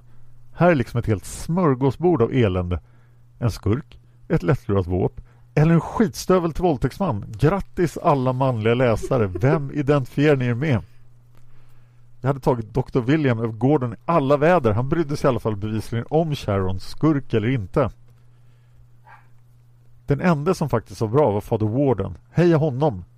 Men med risk att låta lite fördomsfull, om en präst av alla är det bästa vi har enligt Margit, då har vi verkligen inte mycket att hänga i julgranen. Förlåt. Favoritögonblick i boken? Jag gillade allt fram tills att Sharon kom fram till ön. Och hisscenen var bra. Du tog initiativ Sharon, så ska det se ut. Men jag tycker framförallt att Margit ska ha en eloge för att hon i den här boken tar upp kvinnlig mobbing på ett så otroligt levande och jobbigt sätt som till slut kulminerar i steningsscenen. Sharon är verkligen bara ett offer genom stora delar av boken. Jag har svårt att känna någonting för henne. Men den här scenen går ända in i hjärtat och ligger kvar och skaver länge. Ja, och säkerligen många andra av Margits läsare har själv erfarenhet av utanförskap någon gång i livet. Vilket gör att just den psykologiska tortyren av utfrysning, baktalande ryktesspridning kommer lite för nära och är väldigt jobbigt att läsa om. Så okej okay då Gordon, det kanske inte bara är du då, det kanske är mobbingen också. Mobbning och kvinnohat i symbios. Nu kom ju alla på att de var dumma i huvudet kom krypande tillbaka till Sharon på slutet. Men om jag hade varit henne hade jag bara varit tack men faktiskt gett alla fingret, hoppat i en eka och rott till Kanada. Favoritkaraktär? Margaret och Fader Warden var fina men för mycket i bakgrunden för att stå ut. Kanske Linda som hon verkade i början av boken. Sen blev hon ju bara parodisk och ond och således tråkig. Men i början verkar hon lite spännande. Vacker prostituerad med oändligt förakt för män, helt inriktad på att suga ut så mycket som möjligt av dem för att få ett bättre liv. Ond mördare, ja, visst. Men hennes förakt är ändå inte helt obegripligt när man tittar på hennes yrkesroll och på hur männen i boken faktiskt uppförde sig. Sist men inte minst, som alltid, tack för podden. Ni är så fantastiska, Dan och Anna. Tack så mycket. Tack så mycket, Tiny Bunny Snail. Och nästa svar kom från Ursula Horn som säger Okej, okay, det här var en fantastisk bok. Så välbyggt mysterium. Så härligt nyanserade karaktärer. Och samt så otroligt skrikande märklig moral på det där sättet som jag älskar och hatar och älskar att hata. Boken tror en spännande dans kring hela konceptet vacker är lika med god. Det svajar liksom fram och tillbaka lite. Huvudmoralen verkar vara Folk tror att alla som ser oskyldiga ut också är det, men det är fel. Och Sharon och Linda är de perfekta madonnan och hora-figurerna med omvänt utseende. För det är inte bara det att Linda ser änglalik ut men är en djävul, mer om det senare. Utan det läggs ju också en stor uppgift att Sharon är vacker på ett utmanande sätt så att man vet vad hon går för. Jag kastas mellan, hmm, bra poäng, vänta, jag håller inte med nu. Okej, nu säger du emot dig själv. Okej, nu blev det komplicerat på ett sätt som faktiskt är lite djupt i det hela, men vet fan om det är med flit. Efter alla långa utläggningar om det yttre inte spelar någon som helst roll för karaktären så kommer vi till ön och beskrivningen obehaglig läkaren som, som fetlagd och otroligt ful med små ögon, tjocka läppar och ett stort huvud som satt direkt på skulderna utan mellanliggande hals Eller varför inte Handelsmannen där vi slänger in lite queer-coding som något dåligt med en prudentlig liten man med femina gäster och trippande steg. Tillsammans med allt annat blir det snarare ett erkännande av att ingen kan stå över att bli påverkad av utseende, i alla fall till viss del. Och det ligger mycket i det Frimor säger i början, när hon ber Sharon att inte underskatta de fula människorna. Det är lite roligt när hon berättar om hur hon en gång förälskade sig i en man som var otroligt julbent och därför rodnade och lyckades så fort hon ens nämnde ordet. Jag funkar exakt så själv när jag blir förälskad. En gång minns jag att jag satte upp på en karaktär i en film som skulle vara sliskig och oattraktiv och undrade varför han var så het. Tills jag insåg att han var rätt lik en person som jag just fått en crush på. Och det var inte hans kontroversiellt attraktiva drag jag kände igen. Just Linda är en så himla spännande karaktär och hur hon utmålas som så rakt genom ond på ett sätt som jag ofta håller med om. Men samtidigt hur det faktum att hon säljer sin kropp för att få pengar till ett bättre liv åt sig själv och sin mor bara utmålas som en kränkning mot den fina modern och inte för en sekund som en situation där hon också är ett offer är spännande. Gordon är också spännande. Jag faller lite för när han ger henne stenen, det måste jag erkänna. Men det där övergreppet är ju bara sjukt och ännu värre kommentarer som Men inget av detta kunde ursäkta den förbrytelse han begått mot sin hustru. Inte handlingen, den skulle hon ha förlåtit. Och sen när han refererar till övergreppet till att han trodde hon var mördare med. Det är saker som kunde ursäktas. Liksom fint Gordon att du frikänner dig själv så snabbt för våldtäkt. Helt utan att fråga vad Sharon tycker om den saken. Schysst kille. Men det allra mest fantastiskt bisarra i den här boken är det helt utflippade rättssystemet. Sure, kvinnan vi just anhållit för mord. Du kan ta en paus för att snacka med Linda och få henne att skriva brev åt dig och gud vet vad innan vi för till polisstationen. Det är chill. Ja men visst. Kan vi bara släppa ut dig ett tag med din advokat? Han verkar som en hyvens kille som aldrig skulle få för sig att be dig rymma till Kanada eller något. Synd att allt bevismaterial verkar vara totalt borta och ingen kollar saker som eldstaden eller något. Och när Gordon bara Hej alla på ön, jag har precis våldtagit den här kvinnan jag tror banne att hon var oskuld då så hon är frikänd. Tada! Där kan vi snacka om en säker rättsprocess. Ja, jag vet att de tänker släpa tillbaka Linda till längden för att få sitt straff men... Men ändå. Jag gillar ändå hur Gordon lurar in Linda i fällan med att svära dyrt och heligt på att damen i röda kappan var den gamle mannens älskarinna. Folk som blir lurade i sådana fällor är en av mina favoritgrejer i böcker. Settingen är dock helt fantastisk. Museet med borgen är spännande och miljöbeskrivningarna underbara. Den märkliga situationen med kvinnorna som skeppas ut till den mansdominerade gruvbygden är en sån här härlig historisk grej som Margit är riktigt bra på. Och jag vet att sådant hände på riktigt. Flera av bifigurerna är tredimensionella. Peter och hur han vänder kappan efter vinden men landar i något slags Jo, jag fuckade upp det. Där han ändå är en helt okej okay karl. Margaret som kommer in starkt med Jag skäms. Inte för att jag trodde du begått mordet utan för att det påverkar min egen bedömning av dig. Och sen fortsätter våran klippa som till och med löste mysteriet med giftsumaken. Vi har prästen som måste inse att han håller sig bättre än alla andra arbetarna. Och så gruvarbetaren för lilla son ser ut som honom trots att han var en halv värld bort när ungen blev till. Vilket påminner om spädbarnet djupt i jorden där Anna-Marie säger att han liknar sin far. Och på så sätt omedvetet viftar bort otrohetsanklagelserna och får en vän för livet. Ja, persongalleriet är riktigt fint faktiskt. Favoritkaraktär? Margaret. Och favoritscen kan jag nog inte riktigt välja.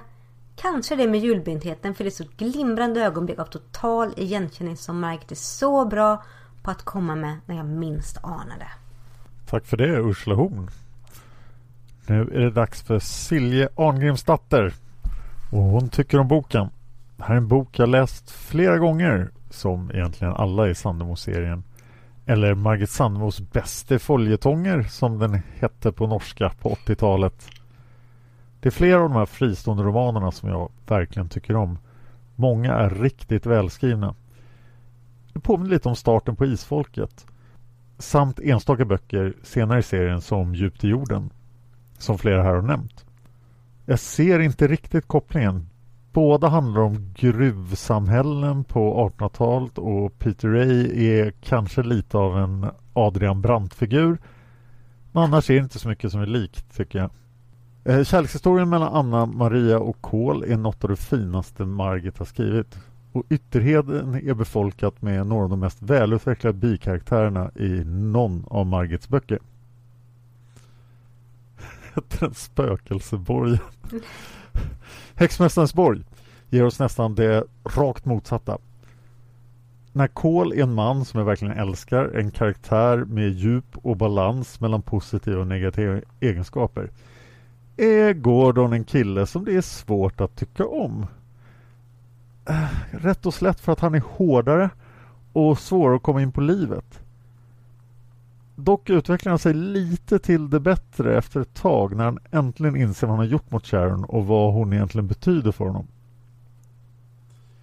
Sharon påminner inte heller om Anna Maria annat än att bägge bryr sig om andra människor och provar och försöker skapa sig ett nytt liv på en främmande plats. Annars är jag enig i det mesta som ni andra har sagt. Jag tycker att boken är spännande och läsvärd. Som alltid är Margit jättebra på att introducera nya karaktärer och hålla spänningen uppe med cliffhangers på passande ställen. Båtturen från England till ön påminner lite om den australiska serien Against the Wind och Dr. Adams påminner mig en del om någon i myteriet på Bounty. Mm. Kanske är namnet han som gör det och kanske är det sättet han är på. Favoritögonblick i boken? De två jag kommer på är när Gordon ger Sharon stenen och när han hjälper henne med att få in Anns baby i världen. Favoritkaraktär? Jag gillar faktiskt Sharon. Mm. Och Gordon blir som sagt lite bättre mot slutet av boken men tidigare är han inte så sympatisk. Margaret och fader Warden och Anne och Andy och Percy är fina bekantskaper och de kunde gärna varit med lite mer i handlingen. Jag gillar kanske speciellt Margaret och Andy men prästen är också en förnuftig man. Sen kommer en ny rubrik som heter Äldre utgåvor av Tornet i fjärran, Häxmästarens oh. borg och Jungfrun i Dimmornas skog. Eller som de heter på norska, Tornet i det fjärne, Spökelseborgen och Jomfruen från Tåkeskogen. Älskar norska. Mm. Förlåt för mitt norska uttal. Hörde i förra avsnittet ni funderade på när tornet i fjärran egentligen var ifrån. Längst bak i boken Kära Margit eh, finns en översikt av alla Margits böcker fram till då, det vill säga våren 94 med kommentarer från en själv om varje titel. Tornet i fjärran är en 1800-talsroman från 1974. Den blev inköpt i Jämmet i både Norge, Sverige och Danmark 74 och till Valdres 78. Gick troligtvis som följetong i alla tre länderna och den är också utgiven flera gånger i bokform. Och då har Silje skickat med hela fyra omslag på Tornet i fjärran. Ja, så där ja. Ja, väldigt eh, intressanta omslag och bilderna finns här i forumet och även på de andra böckerna. Häxmästarens borg står det att det är en kärleksroman från 1968 och utspelar sig på 1800-talet. Den blev inköpt som följetong av Norskt Ukeblad 1968, Hadeland 1971, Valdres 1971 och Allers i Danmark och Sverige 1972. Också utgiven som bok flera gånger. Jungfrun från Dimmornas skog är från 1976.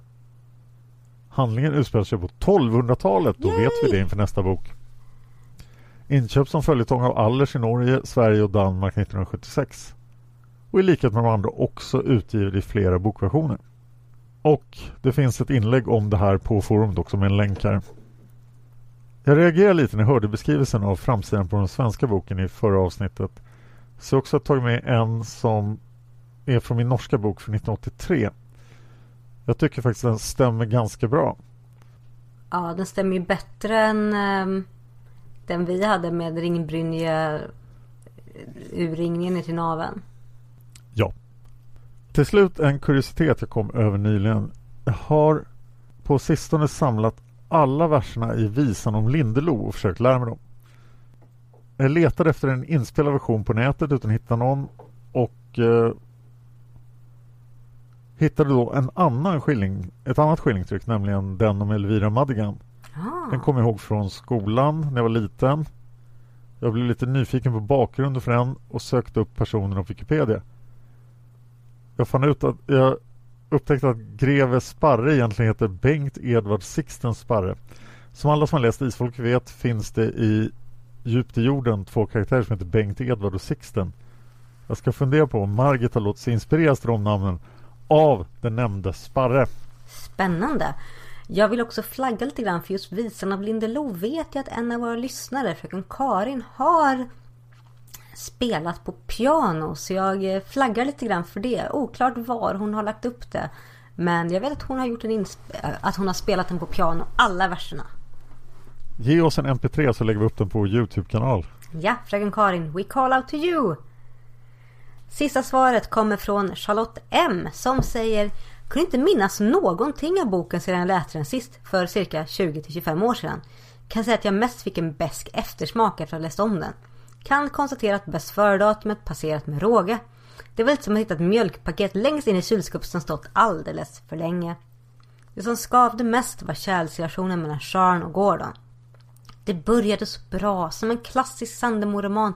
Men så våldtar han Sharon och från det blir det riktigt illa när Gordon i slutet målas ut som ett offer för omständigheter. Sharon och Gordon har ju en liknande uppväxt och fått kämpa båda två. Efter de senaste orden med, åren med metoo så blev deras så kallade kärlekshistoria bara unken. Den här boken var betydligt mer spännande än Torn till fjärran. Gillar plotten med borgen och allt mystiskt som händer i gruvan och i borgen. Det räddade boken lite grann. Det var svårt att hitta någon favoritkaraktär här. Sharon kändes som en dam i nöd som ständigt behövde undsättning. Gordon försökte jag gilla, men han föll som en sten. Så det får nog bli Peter. Visserligen är han lite ytlig, men han är ändå en rätt sympatisk karaktär som växer lite under handlingen. Och jag konstaterar att jag inte kommer läsa om boken igen om 20 år. Och jag uppdaterar och ser om vi har några fler svar. Och nej, det har vi inte. Då är vi klara med Häxmästarens borg, Dan. Herregud. Och det är dags för Dimmorna i Jungfruskogen. Ja, men vi har pratat om det här då. Det heter Prinsessan på slätten. Skogen på slätten. Skogen på slätten. Jungfru i dimmornas skog ska vi podda om nästa gång. Ja! Det ska bli väldigt roligt. Jag har läst den dagen. Va? Ja, inte nu. Men det var en av de första böckerna i Sandemo-serien som jag läste för flera år sedan. Jag kan säga att det har varit en av mina favoriter. Jag har inte läst om den på en 5-6 år. Så det ska bli spännande att se hur den står sig för mig. Den ligger här på bordet framför mig. Så nu kör vi. Mm. Och igen, det här gör vi för att vi har lyssnare på, som sponsras på Patreon och har kommit till nivån, har valt nivån att få välja en bok i Sandemo-serien. Men vi har ju fantastiska andra Patreons också. Vi ska tacka alla dem. Så! Vi säger tack till alla våra Patreons. Vi säger tack till Solveig Gudnadotter, Mystika Ferry, Monica Nyhus, Mia Westerberg som har valt den här boken vi tog upp i avsnittet. Maria Andersson, Magnus Rask, Liselott Andersson, Kickan Ahlström, Karin Källström, Julia Mason, Josefin Westman, Johanna Gustavsson, Jenny Johannesson, Ingrid Johansson, Hanna Naversjö, Hanna Eriksson, Eva Martinsson, Elin Olausson, Elin, Elaine Annasdotter, Desiree Lindmark, Anna Järedal, Alba Lundström Ramirez och Aidan L Rydhammer. Tack så jättemycket hörni! Tack så fantastiskt mycket och vi är alltså på 99 dollar och vi måste vara på 100 dollar för att köra Ljusets rike. Och det kommer vi göra. Vi kommer, om vi är på 100 dollar efter nästa avsnitt och podda första boken av Ljusets rike inom kort. Ja, så tipsa en kompis, en mamma, en pappa, vem som helst om podden och få dem att sponsra oss så blir vi jätteglada. Och ni vill ju höra oss podda om Ljusets rike. Det kommer bli Mm. helt fantastiskt. Jag kan inte hålla mig. Jag måste säga det. Okej. Pew, pew. Pew pew Dan. Jag ser fram emot nattsvarta rosor och kärlekshistorier som jag minns rev mitt hjärta i tusen bitar. Ja, jag kan ju säga att här, jag är lite exalterad över Ljusets rike. Inte lika mycket som du Dan, men mitt tonårshjärta älskar det här. Så jag hoppas så att det blir bra. Eh, Jag vill minnas åtminstone de eh, två första böckerna är ganska bra. Ja, jag hoppas det. Åh, Nattsvarta rosor. Nattsvarta rosor! Åh! älskar nattsvarta rosor. Åh, de kärleksintrigerna. Alla kärleksintrigerna! Åh! Och jag, jag vet att jag bara är en tusendel så stor som dig, men kan vi inte ändå vara ihop? Och andra bra intriger. Ja, gud, jag har glömt det. Vi, vi skippar detaljerna. Åh, gud. Och laserpistoler. Pew, pew, pew. Åh, Margit, varför skulle du skriva science fiction för? Varför, varför, varför? Tack Margit för Ljusets rike. Ja, tack för den bästa upplevelsen i min tonårstid som jag hoppas kanske står sig nu när vi förhoppningsvis poddar om den. Men innan dess så ska vi in i dimmornas skog, Dan. Snart är vi tillbaka i Dimmornas skog. Ja, var kan man hitta mer av dig till dess Dan? När du inte är inne i dimman. Man kan hitta mer om mig på Twitter och Instagram. Jag heter Dan Hörning och det är jag ensam om så jag är lätt att hitta. Sen kan man hitta mig i diverse poddar och ett enormt projekt som vi håller på att dra igång nu är 12 avsnitt om John Wayne Gacy, mördarclownen i Seriemördarpodden. Kommer att gå hela sommaren och är Seriemördarpoddens sommarspecial för 2021. Var kan vi hitta mer av dig, Anna? Jag finns på Instagram, det heter Suna Seras. Jag finns också på Twitter som Anna Seras och jag har en Facebook-sida Setsuna Seras som ni jättegärna får gå in och följa mig på. Där postar jag blogginlägg och roliga saker så jag blir hemskt glad om ni går in där och klickar like. Gör det, du vet att du vill. Okej Dan, in i dimman. Nu till 1200-talet. Vi vet vart vi ska. Vi vet vart vi är. Ja, vi vet när vi är, men vi vet inte var vi är. Jo, vi vet var vi är. Vi är i Dimmornas skog och det är 1200-tal. Ja! Check! Vad kan gå fel? Så ses vi nästa gång. Det gör vi! Hejdå! Hej